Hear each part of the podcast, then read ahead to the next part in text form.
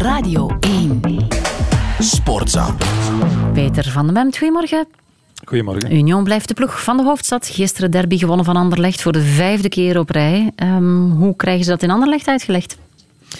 Ja, wel met eh, Felice Mazou is in elk geval de coach van Dugout gewisseld. Maar veel elementen vond ik verklaringen voor de nederlaag van Anderlecht. Ja, die zijn toch opnieuw dezelfde. En, en het is eigenlijk ongelooflijk. Maar het is nu al voor de vierde keer op een rij dat Anderlecht tegen Union een vroege goal incasseert. Zelfs drie keer op een rij nu al na twee minuten.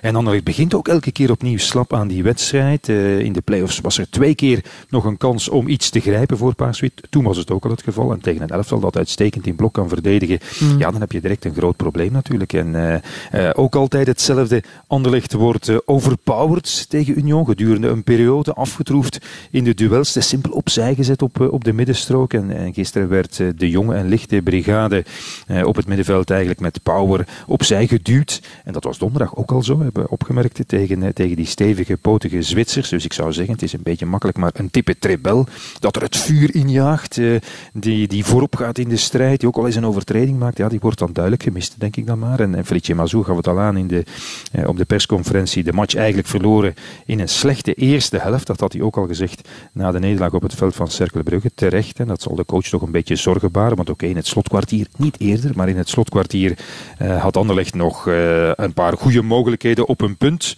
Maar tegen die tijd had Union natuurlijk zelf ook al een paar doelpunten meer moeten maken. En kijk, dan verlies je vijf keer op een rij de Brusselse derby. Dat is toch heel erg pijnlijk. En ik neem aan dat eh, Wesley Hoed vandaag toch ook flink de oren wordt gewassen, want dat kwam er dan nog eens bij. Dat was ook nog eens een dieptepuntje. Zwakke wedstrijd gespeeld en dan zoveel misbaar. Toen hij, wat mij betreft, logisch werd gewisseld. Een blik vol misprijzen in de richting van Mazou. Nog wat gebaartjes erbij. Mm. En dat moet dan een leider zijn in de kleedkamer. Nee, fout.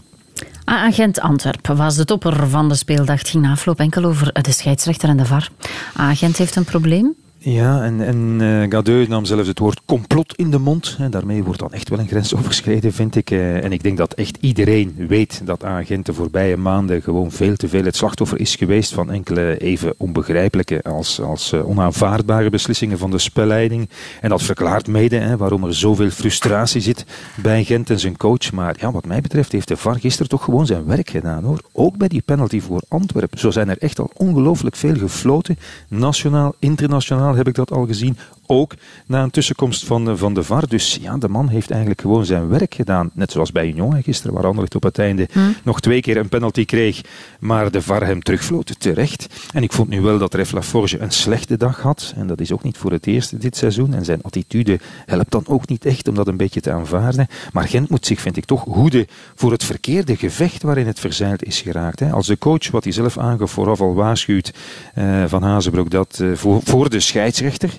en ik begrijp dat hij dat wellicht doet op basis van eerdere negatieve ervaringen. Maar ja, dan stuur je spelers ook met een bepaald idee toch het veld op. En dan gaan die in elke kleine beslissing die in hun nadeel uh, wordt genomen, de bevestiging zien van dat waarvan ze vooraf al overtuigd waren. En zo kan je echt niet voetballen. Die, die instelling die werkt wat mij betreft enkel maar contraproductief. Dus uh, nog een keer alle begrip uh, door het verleden. Maar ja, en, en, dat doen ze ook wel een beetje. Maar de focus moet toch uitsluitend op de eigen problemen. Want die zijn toch ook legio bij Gent op dit moment. En nog geen enkele keer de nul gehouden in vergelijking met vorig jaar een defensie die onzeker is, gebrek aan mm -hmm. ideeën, Tissoudali weg enzovoort enzovoort. Dus er zijn nog eh, best wel wat problemen op te lossen bij Gent. En daar moeten ze de knop omdraaien. Viel er eigenlijk ook wat over de wedstrijd zelf te vertellen? Want Antwerpen won wel met 1-2 en doet het dus in de competitie uitstekend.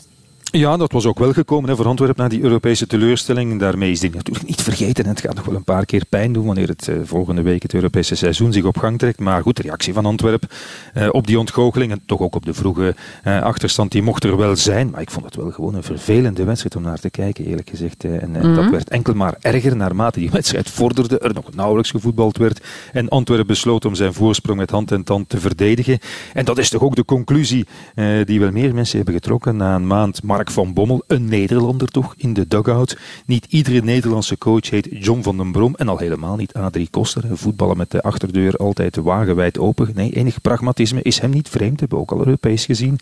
Uh, en uh, in Gent zelfs afgestapt van zijn vaste systeem, omdat dat beter paste om Gent te bekampen. Zijn ploeg gaandeweg, en dat had natuurlijk ook wel met blessures te maken, in een soort eigenstelling gecoacht en gewisseld. Dus niet te beroerd om lelijk te winnen. En als dat niet elke week het geval is, dan bedoel ik dat als een compliment eigenlijk. Het is niet omdat Mark Overmars de sportieve basis dat uh, Antwerp dan altijd en overal als Ajax moet gaan voetballen. Hè? Want uh, ondanks al die Nederlanders op het veld is het DNA, of, of in de club, is het op het veld het DNA van Antwerp toch nog zeer aanwezig, vind ik. En, en, natuurlijk, dat merk je ook in de analyse die hij achteraf geeft. Hij wil van Bommel dat zijn ploeg beter en dominanter voetbal speelt op termijn. Maar als het nodig is, knokken maar. En kijk, woensdag komt Union op bezoek. Dat wordt zo'n wedstrijd, durf ik denken, waar de stukken van afliggen. Laten we het hopen.